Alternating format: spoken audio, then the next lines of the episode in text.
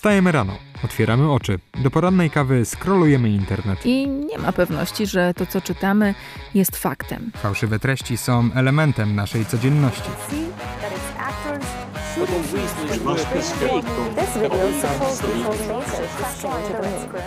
Jak rozpoznać dezinformację? Jakie są jej techniki? O tym będziemy rozmawiać w czwartym sezonie podcastu Demagoga. Zapraszamy. Mateusz Cholewa i Wiola Myszkowska. Cześć. Witam w kolejnym odcinku podcastu Demagoga. Przy mikrofonie Wiola Myszkowska, połowa duetu prowadzącego. Mateusza dzisiaj z nami nie ma, ale oczywiście nie będę rozmawiać sama ze sobą. Naszym gościem nie będzie Sam Altman, ale to od niego zaczniemy. 30 listopada 2022 roku firma OpenAI, którą y, sam Altman zarządza, oddała nam do rąk ChatGPT, czyli narzędzie oparte na sztucznej inteligencji, która uczy się odpowiadać tak, jak zrobiłby to człowiek. I robi to na bazie bliżej nieokreślonych zasobów internetowych. Wydarzyło się to całkiem niedawno, ale narzędzie zdążyło stać się częścią naszego życia, również życia fact-checkerów, ponieważ może ono posłużyć nie tylko na przykład do pisania wypracowań, ale też do zautomatyzowanego tworzenia fałszywych treści. Podobnie jest z innymi narzędziami opartymi na sztucznej inteligencji, generującymi grafiki, które wyglądają jak zdjęcia, a ostatnio również filmy, bo takim narzędziem jest Sora. Dzisiaj podsumujemy ostatnie dwa lata szybkiego rozwoju tej technologii. To będzie pierwsza część rozmowy z Mateuszem Chrobokiem, autorem kanału YouTube'owego o technologii, który znajdziecie pod jego imieniem i nazwiskiem, oraz jednym z ekspertów z kanału Tomasza Rożka, Nauka to lubię. Pomyślałam sobie, że na start tego kolejnego sezonu mm, naszego podcastu Demagoga no, sporo się zmieniło przez ostatnie dwa lata, jeśli chodzi o tę gałąź technologii. I zanim ruszymy dalej, zanim będziemy relacjonować to, co się dzieje w tym aspekcie, jeśli chodzi o fake newsy, ale też, no nie tylko, w ogóle o rozwój tej technologii, to warto byłoby podsumować te dwa lata, no bo Wydaje mi się, że dwa lata temu nie było wielu rzeczy. Jakbyś miał wymienić trzy momenty, jeśli chodzi o rozwój AI, które były najważniejsze przez te ostatnie dwa lata, to byś powiedział, że co? No, że na pewno eksplodował rozwój transformerów. Czyli mamy do czynienia z sytuacją, w której pojawiło się GPT, czyli Generative Pre-trained Transformer. Na początku OpenAI naprawdę było open i w wersji drugiej, w wersji pierwszej te modele były otwarte, a potem zrobili niesamowity skok biznesowy, to znaczy otworzyli te modele online dla wszystkich w postaci czata GPT i to był na pewno przełom, bo ludzie się zachwycili, zobaczyli jak wiele z tych rzeczy można zrobić i to punkt zwrotny, gdzie ta technologia na pewno eksploduje. Drugi punkt zwrotny moim zdaniem to jest szerokie zastosowanie deepfake'ów. To może nie jest taki punkt w czasie, w sensie taki prosty jak e, opublikowanie czata GPT, ale bardziej taki punkt, gdzie właściwie każdy w domu jest w stanie sobie odpalić takie generowanie, podmianę obrazu i mamy do czynienia teraz z takimi sytuacjami, że na przykład y, ostatnio 25 milionów euro zostało skradzionych przez to, że wszystkie osoby na kolu, poza e, człowiekiem odpowiedzialnym za przesyłanie przelewów, były fejkami, co można już robić w tej chwili w real time, więc e, to byłby drugi taki kawałek. I trzeci kawałek, e, myślę, że generatywne wideo, co ostatnio pokazała Sora, to znaczy OpenAI z modelem Sora, jest już na takim poziomie, że tak jak przy grafikach, tak jak przy dźwięku, zaczynamy coraz bardziej się tracić. Przy tekście ciężko jest nam rozpoznać. Przy wideo jesteśmy o krok od tego, żeby nie być w stanie rozpoznać, co jest prawdą, a co jest wygenerowane. Bardzo się cieszę, że wymieniłeś te wszystkie trzy rzeczy, bo wszystkie trzy chciałam Cię zapytać. Okay. E, czyli mamy podobne instynkty. O AI i o czacie GPT pisze się wiele różnych rzeczy, wiele z tych nagłówków jest takich bardzo krzykliwych. Mhm. I chciałam zapytać o Twoją opinię w tej kwestii. Czy to jest super przełomowe wydarzenie w historii ludzkości, że pewnego dnia sam Altman sobie wstał i pomyślał, a to jest, to jest ten dzień. Dam czatę GPT ludzkości i zobaczymy, co z tego wyjdzie. To jest przełomowy moment? W technologii to jest tak, że jeszcze o tym, o tym produkcie ktoś musi usłyszeć, zacząć z niego korzystać i wykorzystać swoją kreatywność. Sam Altman przez lata pracował w Y Combinatorze. To jest taki wielki fundusz z Nowego Jorku i on wie, jaki jest przepis na rozgłos, na startupy, na to, żeby rzeczy się skalowały. Więc to nie jest tak, że OpenAI ma jakikolwiek patent na transformery, przez co inna firma nie mogła tego zrobić. Nie, inne firmy też robiły transformery, ale nigdy nie zrobiły takiego kroku, żeby dać to otwarcie dla wszystkich i no, OpenAI przez lata nad tym pracowało, więc też byli do przodu technologicznie, to trzeba im oddać. Natomiast moim zdaniem geniusz to polega właśnie na połączeniu tego, że hej, mamy technologię i z drugiej strony my zapłacimy na razie za pieniądze venture capital, które w nas pompowali tam setki milionów dolarów, my zapłacimy za to, żeby ludzie się tym zachwycili. No bo ta usługa ChatGPT jest za darmo, przez co ten wspaniały efekt, czyli oni się dzięki temu uczą, dzięki temu tworzą nowe usługi i zaczynają zarabiać powoli pieniądze.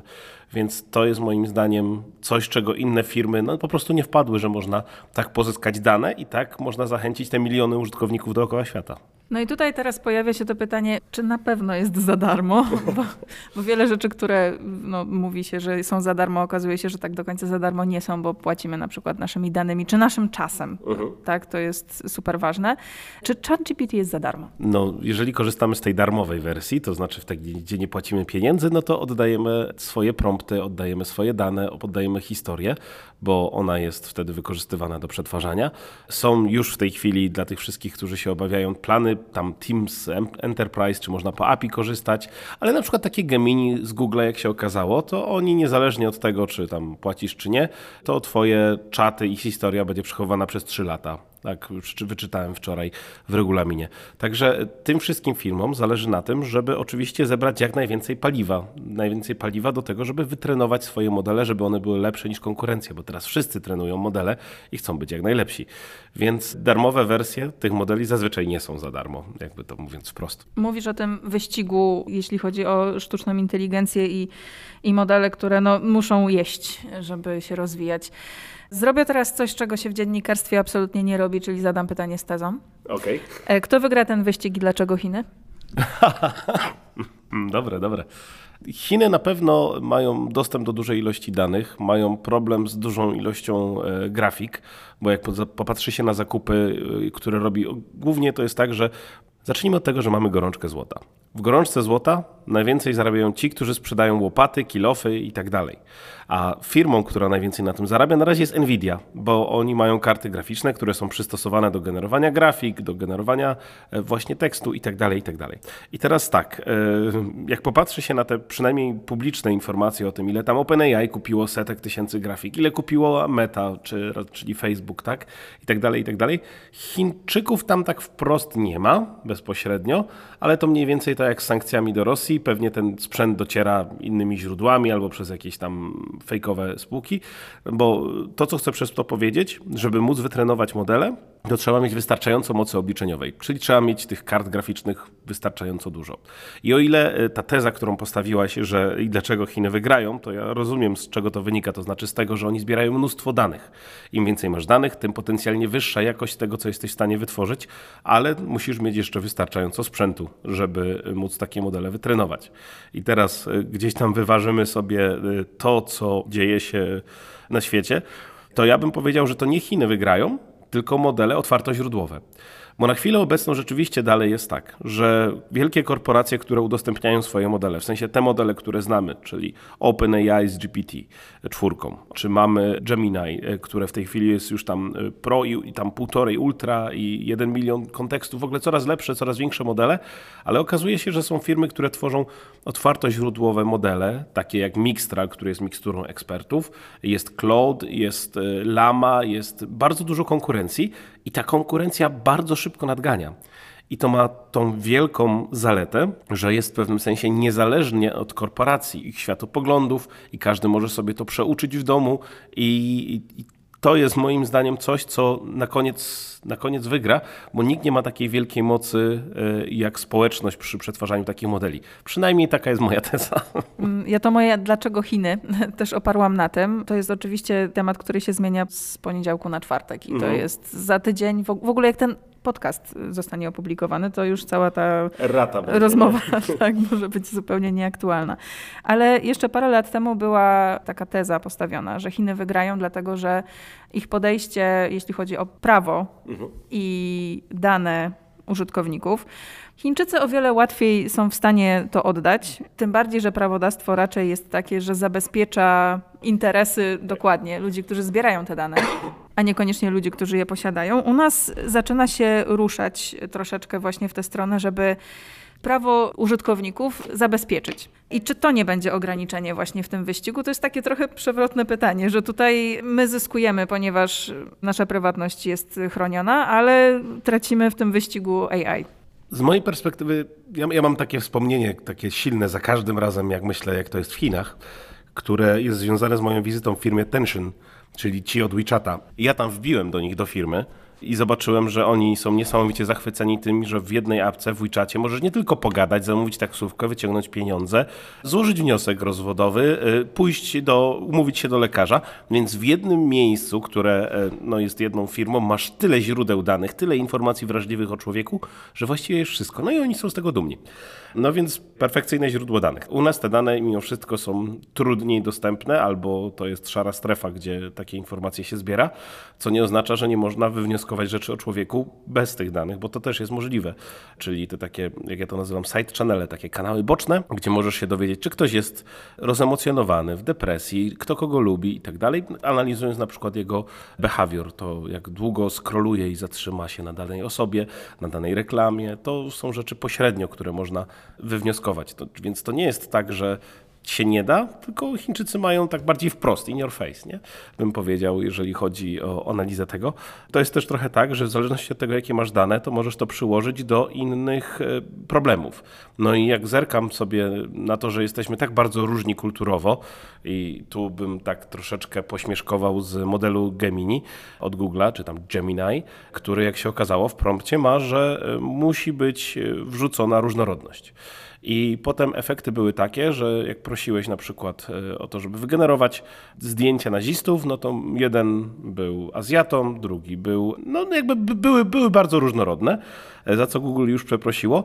Ja troszkę sobie śmieszkuję, że to jest jakby przegięcie w drugą stronę, no bo wiadomo, że jest to uwarunkowanie kulturowe. W Chinach pewnie taki model jakby powstał, on by miał inne wytyczne co do tego, co ma wygenerować.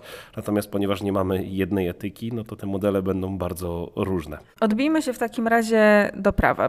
No nie pierwszy raz w historii, tak? No nie wyobrażam sobie tego, żeby na przykład, nie wiem, w momencie, kiedy prasę drukarską wymyślali, to zastanawiali się, zanim ją uruchomią, jakie tutaj prawo wymyślić, żeby tego nie nadużywać.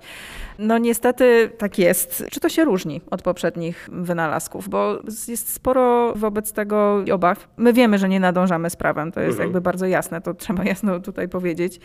No ale właśnie na ile te obawy względem AI, które idzie w zupełnie inną stronę niż sztuczna inteligencja w popkulturze, która chce opanować świat, a tutaj w zasadzie chce nam sprzedać rzeczy, tak, na dzień dzisiejszy. Zero.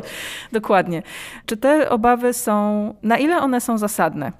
To tak zerkając na to z perspektywy prawa, patrzę sobie na to, co się dzieje z ekonomią. To znaczy mamy firmy, które uprawiają użytkowników uprawiają, tak jak Reddit, który właściwie on jest tylko platformą, gdzie wymienia się treściami i ostatnio ogłosili chyba, że sprzedają tam za 60 miliardów dolarów dostęp do wszystkich swoich treści jednej z firm, która buduje modele. Czyli wiecie, użytkownicy, jak się macie, wykorzystacie za darmo, natomiast ten news nie jest jakoś tak głośny. Uczymy się na tym, co wy, czym wy się dzielicie. No i tak samo Facebook, tak samo każda platforma taka centralna, też tak się mówi o Ilonie Masku, że właściwie kupił Xa po to, żeby można było lepiej się uczyć. No i mamy teraz Groka. E, no, ja widzę tą minę. E, szanowni Państwo tego nie widzą, ale wyobraźcie sobie teraz tą reakcję, e, jakoby to Twitter, znaczy się X, był źródłem krystalicznie czystych informacji. Ja wiem, to, że to jest dużo roboty, żeby to wyczyścić. Natomiast to, to, to jest ten, ten, to miejsce, gdzie są jakby te przyssawki źródła danych i teraz mamy ludzi, którzy są świadomi tego, że słuchaj, te wszystkie dane mogą być wykorzystane i albo, albo będą wykorzystywane nawet pomimo tego.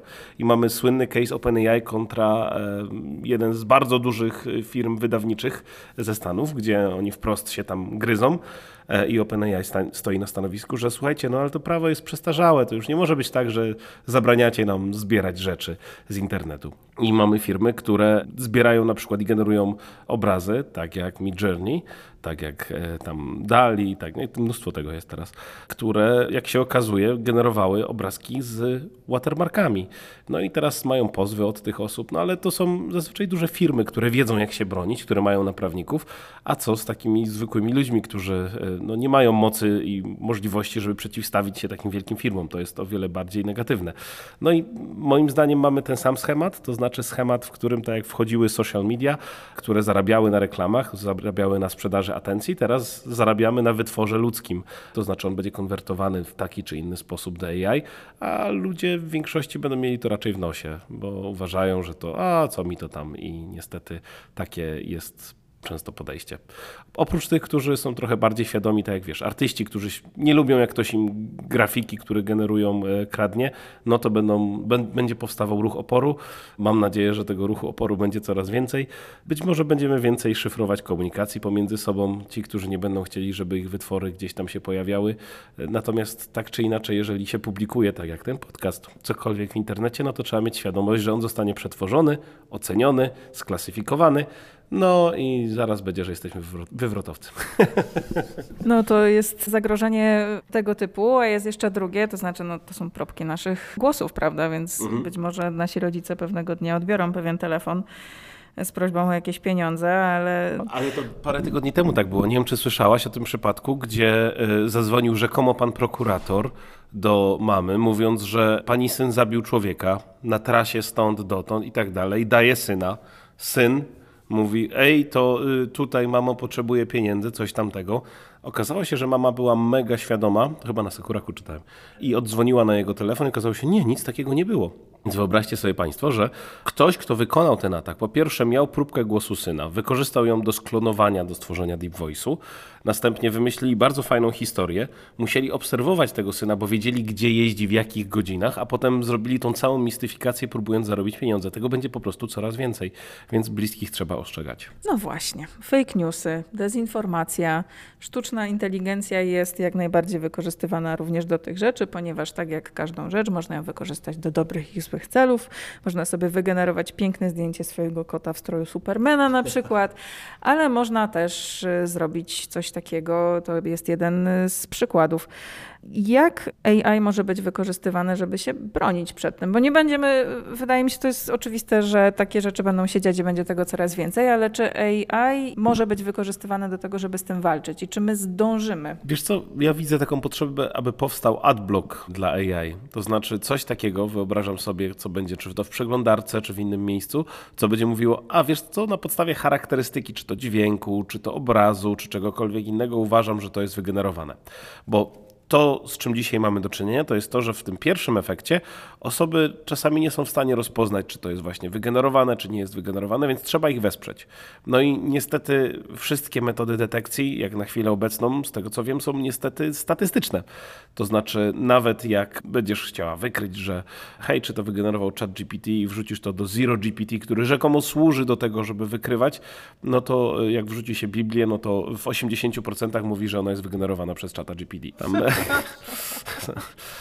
sam, sam początek. No to są narzędzia statystyczne, tak? No i problem polega na tym, że tego jest sporo i będzie coraz więcej. Zbliżają się wybory w tym roku. Zarówno TikTok, jak i inne media opowiadają o tym, że wspaniale będą e, oznaczać takie treści, jak są wygenerowane rzeczy przez AI. Kuba Klawiter pokazywał, że można po prostu skropować kawałek obrazu i nie ma już tego watermarku.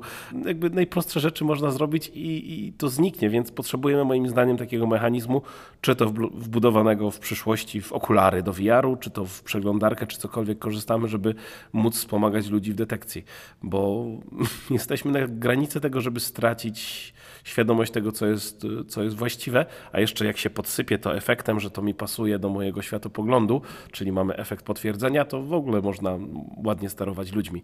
Po tej stronie obrony jesteśmy trochę bardziej z tyłu, bo nie zależy. W sensie nie ma takiej inicjatywy pieniężnej, która za tym idzie, żeby, żeby coś takiego zrobić, takie wykrywanie. I ono nie jest łatwe, bo jest bardzo dużo narzędzi, które generują różnych modeli, więc to jest naprawdę dużo pracy. Co nie znaczy, że nie ma pierwszych takich firm, które łapią deepfake'i, tylko to jeszcze jest niezintegrowane. Powinno być tak, że wiecie, macie jakąś rozmowę online, czy to na Zoomie, Teamsach, na Google, czymkolwiek innym i fajnie by było, żeby tam automatycznie to wykrywanie było, no bo wtedy takie deepfake'i by się łapało. W tej chwili jest taki trend, że osoby próbują zatrudniać się w firmach na podstawie deepfake'ów, to znaczy zgarniają sobie jakąś postać znanej osoby, zatrudniają się do firmy, wykradają dane, sprzedają i tak dalej. To nigdy nie był on tak naprawdę. I tak się dzieje. No i teraz wyobrażam sobie osoby gdzieś tam w działach HR z pełnym szacunkiem, no to nie, może nie być łatwe, żeby rozpoznać, czy to jest rzeczywiście deepfake, czy nie po drugiej stronie, więc potrzebujemy narzędzi, które będą to wspierać. I w ciągu tych dwóch lat dostaliśmy cztery, dobrze liczę, cztery narzędzia, które są w stanie wygenerować cztery rodzaje treści Mhm. fałszywych, tak? Z jednej strony jest to tekst, później mieliśmy grafiki, jest głos oczywiście, to też jest bardzo ważne i istotne. I ostatnio, no to jest niedawno, tak, na dniach, możemy sobie wygenerować film z tekstu. Możemy go sobie opisać i on powstanie, po prostu będzie. Szybko, Szybko jest ta ewolucja, czy szybko się generuje poszczególne? Bo jakby na obydwa odpowiedź jest niestety tak, bo mamy w tej chwili do czynienia z tym, że są coraz bardziej efektywne modele, które generują wszystko.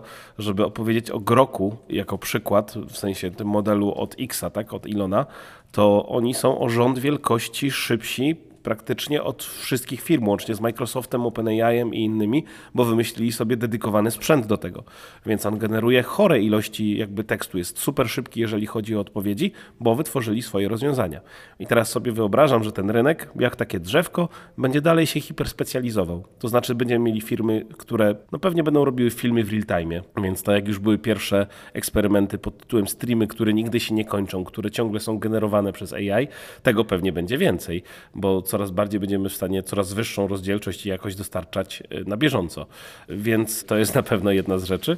Druga jest taka, że myślę, że my jako społeczeństwo nie do końca jesteśmy, te drugie szybko, przygotowani do tego, że nastąpiła taka fala, bo o ile ktoś pewnie tam widział kiedyś memy, Photoshopa i był przygotowany, że, że się ściemnia, to teraz myślę, że to tempo ewolucji, jeżeli chodzi o klonowanie głosu czy wideo, no powoduje, że szczególnie ta część społeczeństwa, która nie śledzi takich informacji na bieżąco, jest bardzo podatna. Podatna na to, żeby próbować nimi manipulować, ukraść ich pieniądze, czy w jakikolwiek sposób wpływać na ich wybory życiowe.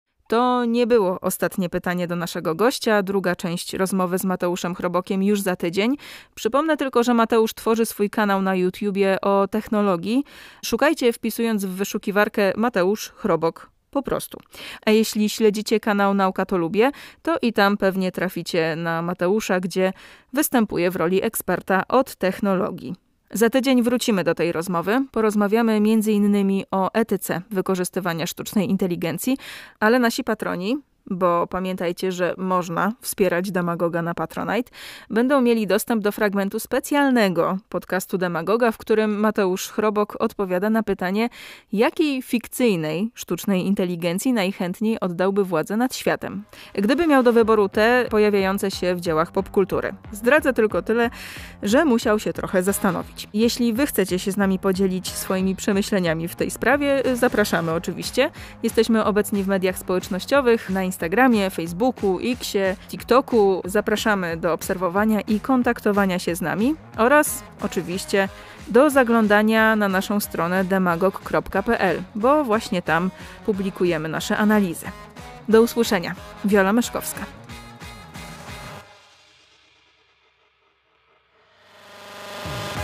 Słuchaliście podcastu Demagoga realizowanego przez Sons and Stories. Więcej informacji o naszej pracy znajdziecie na stronie demagog.org.pl i w naszych mediach społecznościowych na Facebooku, Instagramie i Twitterze. Do usłyszenia.